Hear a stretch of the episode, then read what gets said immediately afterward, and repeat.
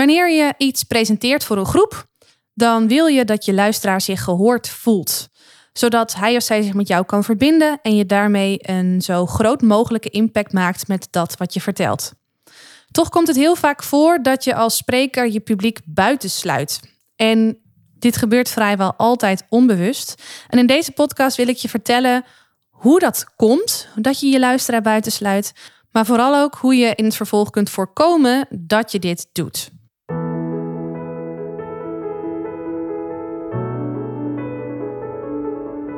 Mijn naam is Marije Wielenga. Is presenteren voor jou van essentieel belang om succesvol te zijn? Zakelijk, publiekelijk of persoonlijk? Dan is deze podcast Stralend Presenteren voor jou. Als Nederlands kampioen in speechen daag ik je uit om boven de saaie zakelijke presentatiestandaard uit te stijgen. En meer dan dat nog, om boven je eigen standaard uit te stijgen. Blijf luisteren om te leren hoe.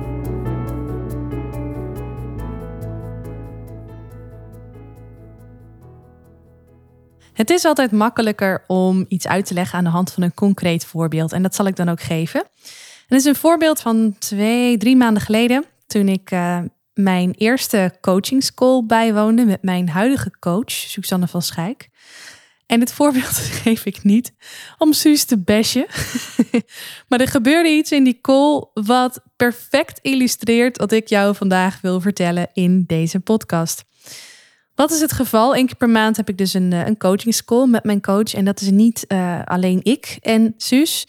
Dat houdt in dat ik samen met een, uh, een groep collega-deelnemers aan haar traject, de Real Deal in dit geval, dat wij samen in een coaching school zitten. En iedereen krijgt dan een zogenoemde hot seat.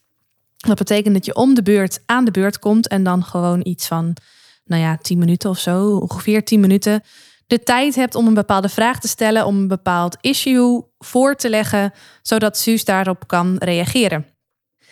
Ergens in die call was er iemand die een vraag stelde en op een gegeven moment uh, gaf Suus daar een antwoord op. Ze zei iets van: Wat is je bread and butter aanbod? En dat ging heel snel. En ik hoorde haar dat zeggen en ik dacht: Dat gaat heel snel. Wat, wat zegt ze nou?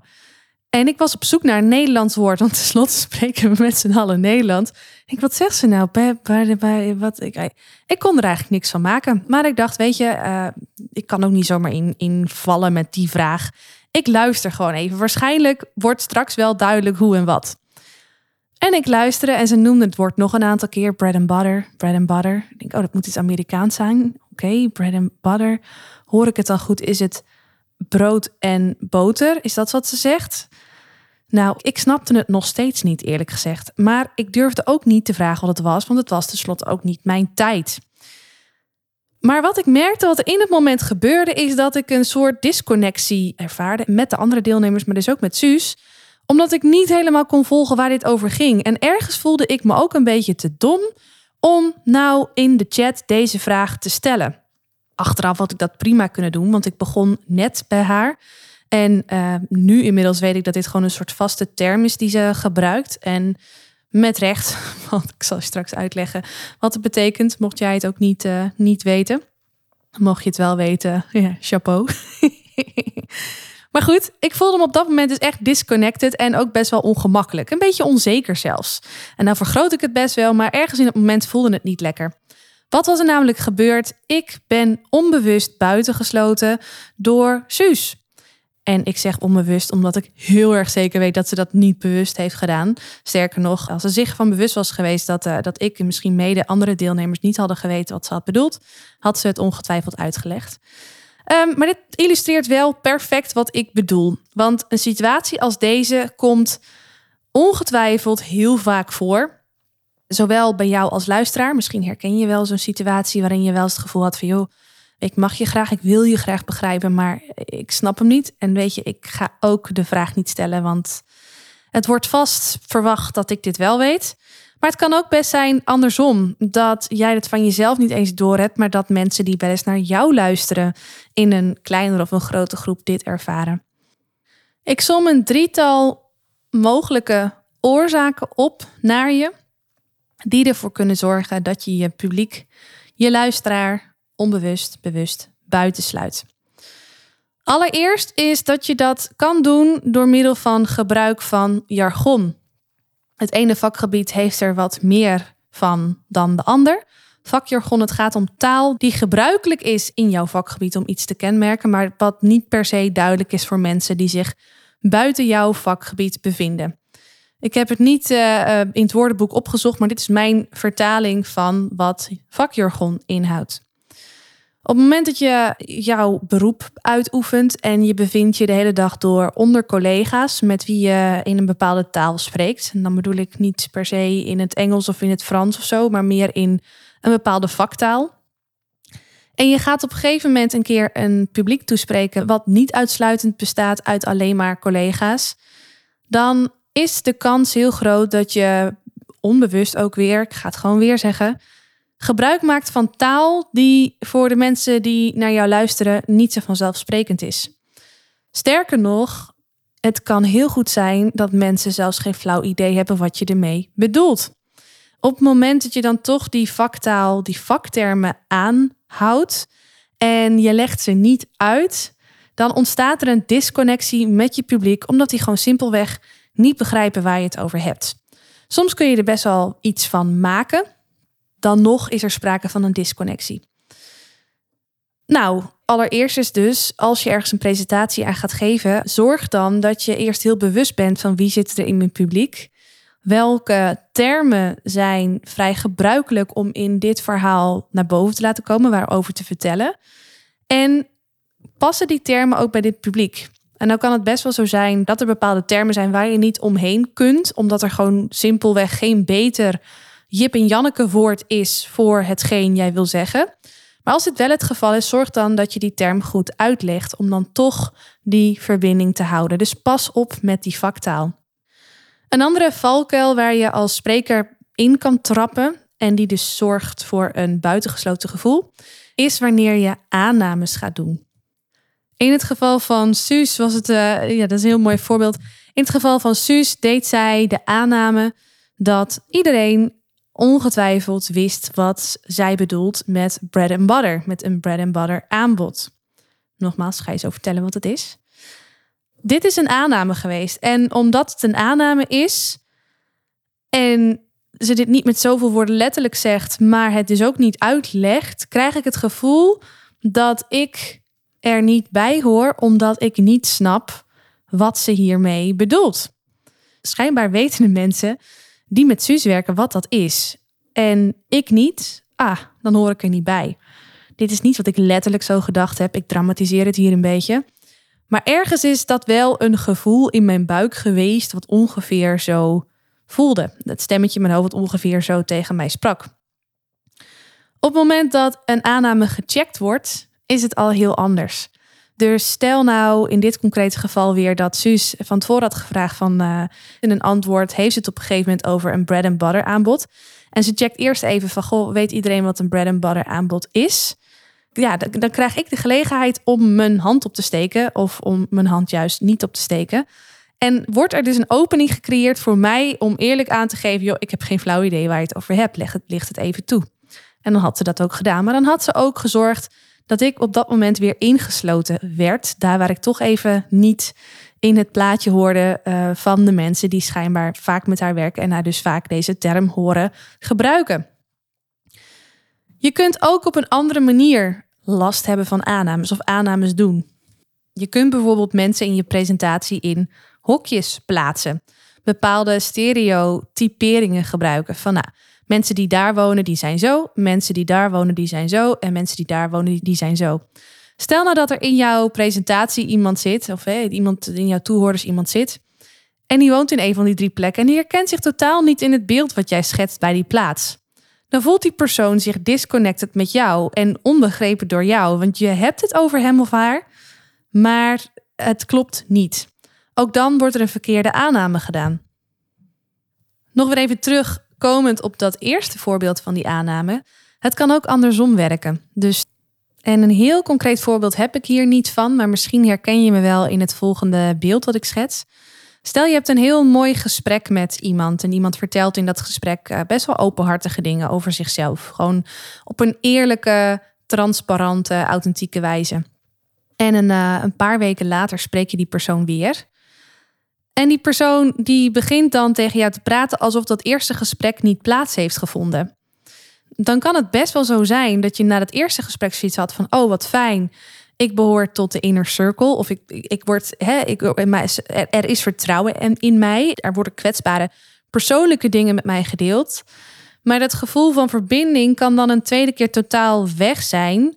Als hetzelfde verhaal nog een keer wordt verteld, alsof en jij niet onthouden bent, maar ook dit verhaal een verhaal is wat standaard wordt afgestoken. Ergens, ergens vindt er dan ook een disconnectie plaats. Ik wil trouwens wel even een kritische noot hier aan toevoegen. Want je zou nu kunnen denken, als ik dit zo zeg, van ja, maar Marije, betekent het dan dat als ik bijvoorbeeld trainer ben en ik vertel vaker eenzelfde soort anekdote, dat dat dan niet mag? Moet je dan altijd een nieuwe anekdote vertellen? Nou, persoonlijk vind ik van niet. Ik gebruik zelf ook vaak dezelfde reeks anekdotes in mijn training. Niet altijd dezelfde, maar ik heb wel een aantal uh, anekdotes die gewoon heel goed staan voor bepaalde dingen die ik wil zeggen. En die gebruik ik dan ook niet standaard, maar wel regelmatig in de trainingen die ik geef. Ik vind ook dat dat moet kunnen. Waar mij het echt om gaat, is dat als jij dus echt, nou, stel uh, een training dus hebt gegeven aan een bepaalde groep en daar een bepaald uh, verhaal hebt verteld en dan drie weken later diezelfde groep weer ziet en dat je dan hetzelfde verhaal vertelt alsof je nooit eerder met ze gesproken hebt. Daar gaat het mij om. Dus je staat twee keer voor een, eenzelfde groep mensen. Je doet de aanname dat ze iets niet weten en je gaat iets uitleggen alsof ze het dus niet weten. Ook dat kan zorgen voor een disconnectie. En waarschijnlijk hoor je nu dat dit het tegenovergestelde is van ervan uitgaan dat iemand het wel weet en niet uitleggen wat het is. Volg je me nog? je wil dus aannames voorkomen. En net als bij het gebruik van vakjargon kun je dit doen voor een groot deel. Je voorkomt het nooit helemaal. Dit kun je voor een groot deel voorkomen door voorafgaand aan je presentatie heel goed stil te staan, ook weer bij je publiek. Welke mensen zitten hierin? Heb jij deze mensen als eerder gezien of niet? Of misschien is het een mix van mensen.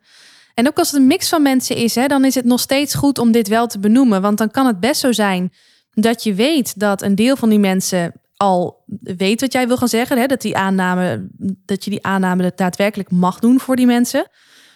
Maar benoem het dan want dan is het op het moment dat je iets uit gaat leggen voor de groep mensen die het al weet, die voelt zich erkend omdat je uitlegt van joh, ik weet dat de helft van mijn publiek dit al begrijpt of ik weet dat veel van jullie dit al weten of hebben gehoord. Maar de mensen die het mogelijk niet weten, daar ga je ook niet aan voorbij. Dus door het simpelweg te benoemen dat je weet dat je nu iets uit gaat leggen wat voor sommige mensen uh, al gesneden koek is, voelen zij zich ook erkend en zullen ze ook geduld op kunnen brengen voor jouw uitleg zoals je die doet aan de mensen in het publiek voor wie dat wellicht niet opgaat. Dus ook dit kun je voor een groot deel voorkomen door stil te staan bij wie er zit in je publiek en even te toetsen of bepaalde aannames kloppen of niet. En weet je dat niet van tevoren, dan is het gewoon super simpel door tijdens je presentatie zelf te vragen van joh, dit is wat er aan de hand is, wie is het daarmee eens of wie weet dat? Of nou goed, check het dus even voordat je het gaat uitleggen. Dat voorkomt een buitengesloten gevoel bij jouw luisteraars. Dan is er nog een derde die ik in deze podcast heel specifiek bij je wil benoemen. Omdat het ook iets is waarvan ik denk dat heel veel mensen zich niet bewust zijn als ze spreken. En dat heeft te maken met de snelheid waarin je spreekt. Weet dat je van jezelf niet per se een hele snelle prater hoeft te zijn om toch dit risico te kunnen lopen. Het enige wat er voor nodig is, is dat jij gewoon een ontzettende vakidioot bent. en dat jij heel graag je kennis wil delen met een publiek. En het ligt ook weer in lijn met het gebruik van vakjargon en het doen van aannames. Stel dat in jouw vakgebied er bepaalde termen uh, heel bekend zijn, dan ja, jij noemt die termen dan alsof het dagelijkse kost is, want dat is het voor jou ook. Wat je echter op dat moment mogelijk uit het oog verliest, is dat wat voor jou dagelijkse kost is, dat dat voor andere mensen niet zo is. Even los van of ze het begrijpen of niet, hè, want die twee punten van vakjargon en aannames doen hebben we net al benoemd. Maar dit gaat puur om de snelheid van spreken. Het kan bijvoorbeeld zijn dat jij, um, nou net als wat, nou, het is wel een mooi voorbeeld weer van, van Suus. Als zij uh, even los van het gebruik van vakjargon en het los van het doen van aannames het bread and butter aanbod wat rustiger had gezegd dan dat ze op dat moment deed in de Q&A, in de vraag- en antwoord sessie die ze deed, was het voor mij al sneller beduidelijk dat ze iets Engelstalig bedoelde. En ja, ik snap echt wel wat de vertaling is van bread and butter. Maar door langzamer te praten had ik dat beter begrepen. En omdat het nu zo snel voorbij kwam, landde hij niet. Ik ergens was ik nog op zoek naar een Nederlands woord van hey, wat zei ze nou? Wat, is nou? wat zei ze nou? Het was een Nederlands woord, maar ik snapte het niet. Ik herkende het woord niet. Nee, omdat ik dus dacht in een Nederlands woord. Ik denk als het iets langzamer had gezegd, dat het dan voor mij al duidelijk was van oké, het gaat hier om een Engelse term. En dan denk ik ook dat ik me eerder geneigd had gevoeld om even in de chat te vragen van joh, wil je even uitleggen wat je daarmee bedoelt? Een ander mooi voorbeeld van mij komt van een, uh, van een klant die werkzaam is in het bankwezen, maar dan niet zozeer echt uh, in de financiële hoek. Nou ja, ook weer wel eigenlijk. Maar hij is een expert op een bepaald beleggingsgebied. En ik laat ook nu voor de discretie even in het midden waar het precies om gaat. Maar binnen dat vakgebied, nou, dus überhaupt denk ik in de beleggingswereld, zijn er gewoon best wel veel termen. En Engelse termen ook, die niet door iedereen begrepen worden. En dan doe ik maar vooral even op mezelf. Hij heeft dan ook een paar keer tijdens de live bijeenkomsten die we hadden, uh, ja, kwam het voor dat hij een presentatie ging oefenen. En dat ik hem kwijtraakte. Dat ik dus dat gevoel kreeg buitengesloten te worden. En in zo'n cursus ben ik daar natuurlijk super uh, picky op. Ben ik daar super eerlijk over van wat het met mij doet. Maar ik kon ook mooi even checken tijdens zo'n cursus hoe dat zat met de andere deelnemers. En mensen die zich niet in het beleggingsvakgebied bevonden, bevinden, herkennen zich heel erg in wat ik zei. En die gaven het soms al aan voordat ik het überhaupt zelf had kunnen aangeven aan hem. En dit heeft deels te maken met vakjargon, had ook deels te maken met aannames, want bij bepaalde gevallen ging hij er schijnbaar vanuit dat we iets wisten, terwijl dat niet zo was. Maar dat we hem niet begrepen had ook voor een groot deel te maken met de snelheid waarmee hij sprak.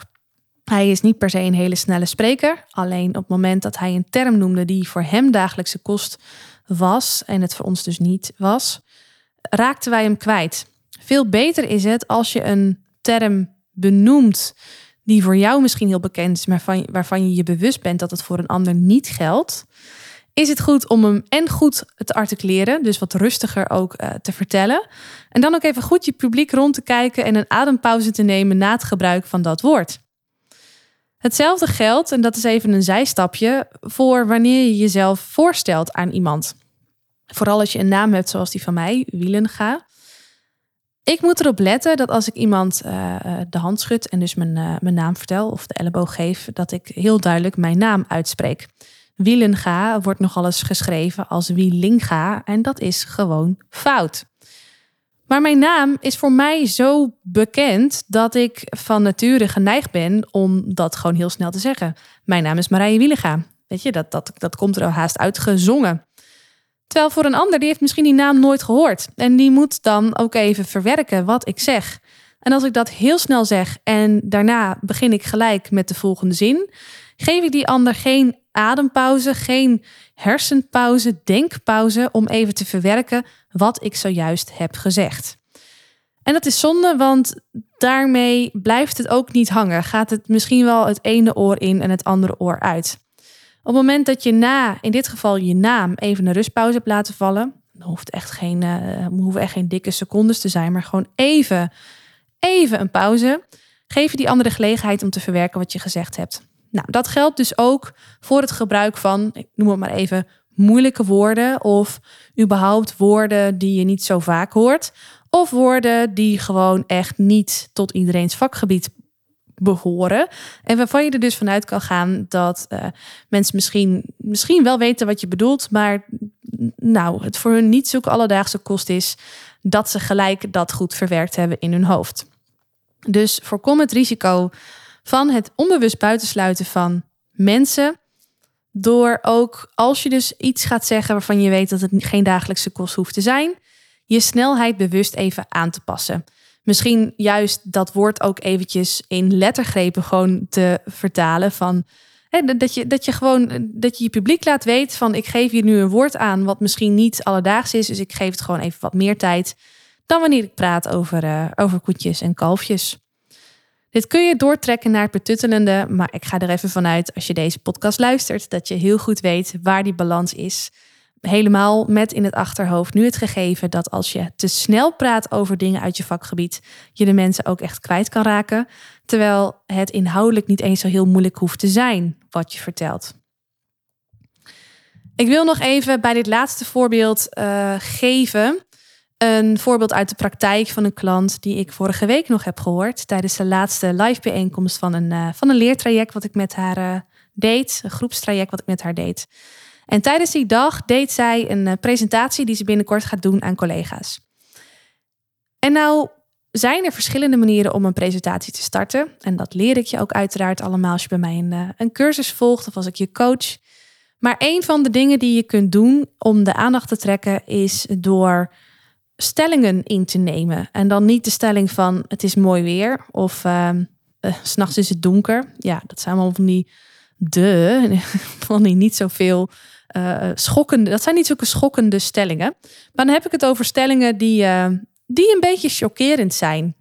Dus stel je staat voor een zaal met mbo'ers, ik noem maar wat. Je staat voor een zaal met mbo'ers. En je geeft aan dat uh, MBO'ers uh, minder geslaagd zijn in het leven dan uh, universitair geschoolde mensen. Ik noem je maar wat, hè? Je kunt je voorstellen als je zo'n stelling de groep ingooit, en helemaal in het nadeel van jouw luisteraars, dat het een soort van weerstand oproept. En dat is wat je graag wil. Dan mag je hem later natuurlijk wel nuanceren omdat het doel van het begin van je presentatie is dat je die aandacht vangt van mensen. Goed, dit heeft zij dus ook willen doen door een aantal stellingen uh, de, de groep in te gooien. En het waren een aantal stellingen over haar bedrijf als het gaat om marketing. En um, dat deze door wist je dat, puntje, puntje, puntje. En er kwamen er een aantal schokkende dingen over het bedrijf, waarvan ze ja, er wel vanuit kon gaan, of men er wel vanuit kan gaan dat de mensen voor wie zij spreekt dat niet weten. Maar wel om echt even te chockeren om mensen zich te laten realiseren van, oh, er gaat iets niet goed. En ik heb je aandacht nodig om te vertellen wat dat is. En ik heb je aandacht nodig om die oplossing te geven. Ik weet niet hoeveel, volgens mij had ze een stuk of vier wist je datjes. En wat zij heel mooi deed, was dat ze tussen alle zinnen, dus tussen ieder wist je datje, echt even een stilte liet vallen. En met een ja, terechte ernst, maar ook een oprechte ernst, even rondkeek in het publiek. Dat waren wij nu natuurlijk. Maar dat maakte, die stiltes tussen die zinnen, maakte dat je echt even voelde wat ze zei. En ook echt eventjes kon denken, potverdorie, dit is niet goed. Of jeetje, dat is wel heftig. Nog voordat ze dus doorging. Dus dat maakte dat de impact van wat ze zei werd vergroot. Had dus alles te maken met snelheid. Niet eens met jargon, niet eens met aannames, want wist je dat? Doet geen aanname maar wel met de snelheid waarmee ze sprak. En dan vooral de pauzes die ze liet vallen tussen de zinnen in. Dit is best wel lastig. En dit was voor haar ook best wel lastig. Want zij is van zichzelf iemand die best wel makkelijk en snel praat. Ik denk dat zij een beetje in dezelfde categorie valt als, uh, als ik, als ik dat zo mag zeggen. De reden dat de meeste mensen het moeilijk vinden om stiltes te laten vallen, is omdat ze bang zijn dat dat ongemakkelijk is. In de beleving van eh, hen als spreker duurt die stilte namelijk veel langer dan dat die in de werkelijkheid duurt. Ergens hebben die mensen het gevoel van stilte is niet goed, die moet worden opgevuld. Want een stilte is een legitieme reden voor een ander om jou te mogen onderbreken. Maar dit is natuurlijk onzin. En helemaal als je echt voor een groep staat en mensen bewust stil zijn om naar jou te luisteren. Dus niet één op één in een gesprek, maar echt voor een groep. En dan kun je juist die stilte heel goed gebruiken om je woorden kracht bij te zetten. Maar ook om beter verstaanbaar te zijn en daarmee dus een betere verbinding aan te gaan met je publiek. Om je publiek binnen te sluiten. Ik wil deze podcast eindigen met de uitleg van wat nou dat bread and butter aanbod is waar Suus het over had. Ik weet dat Suus zelf ook heel veel doet aan persoonlijke ontwikkeling en eh, niet alleen binnen Nederland. Dus het verbaast me helemaal niet dat zij regelmatig met uh, termen komt uh, zoals deze, die dus niet per se Nederlands zijn. Dus ik heb hem even opgezocht. Dan heb je hem ook echt, echt even letterlijk van me. Het antwoord luidt als volgt: A person's livelihood or main source of income. Their bread and butter is reporting local events. Wat ze hiermee willen zeggen is dat het het hoofdinkomen is. Dus dat stukje van je aanbod waar je het meeste inkomen mee verwerft. Dat is wat zij bedoelde. Dus het gaat dan niet om de uitzonderingen of om de kleine bijgerechten, maar het gaat echt om de main dish. Dus dat wat je voornamelijk verkoopt en je meeste omzet uithaalt. Ik gaf dit voorbeeld over het buitensluiten, onbewust buitensluiten van je, van je publiek, laatst ook uh, aan, een, uh, aan een groep klanten. En een van de deelnemers moest toen heel hard lachen. En hij zei later van ja, weet je, ik heb een poosje in Amerika gewoond. Daar had hij ook uh, gebasketbald. En daar was bread and butter ook echt een begrip. Dat was iets wat ze regelmatig gebruikten. En zij gebruikten het vooral om tegen elkaar te zeggen van... joh, dit is appeltje eitje, dit gaan we zo wel winnen. En omdat het in het veld gebeurde, volgens mij ging het om basketbal... Uh, hadden ze daar ook een gebaar bij, alsof je dus even... je ene hand is een boterham en je andere hand is een mes. Alsof je dus even letterlijk een boterham aan het smeren bent. Zo van jongens, kat in het bakkie, die gaan we inmaken. Nou, weet je dat ook weer? Doe ermee wat je ermee wil.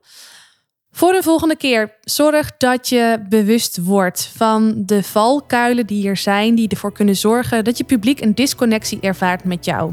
Er zijn ongetwijfeld nog heel veel meer te benoemen, maar deze drie wilde ik je heel specifiek even noemen in deze podcast, zodat jij daar je voordeel uit kan halen. Is deze podcast waardevol voor je? Abonneer je dan op mijn kanaal om geen aflevering te hoeven missen. En als je dan toch bezig bent, geef je hem ook even 5 sterren via Apple Podcasts. Zou ik echt enorm waarderen. Dankjewel.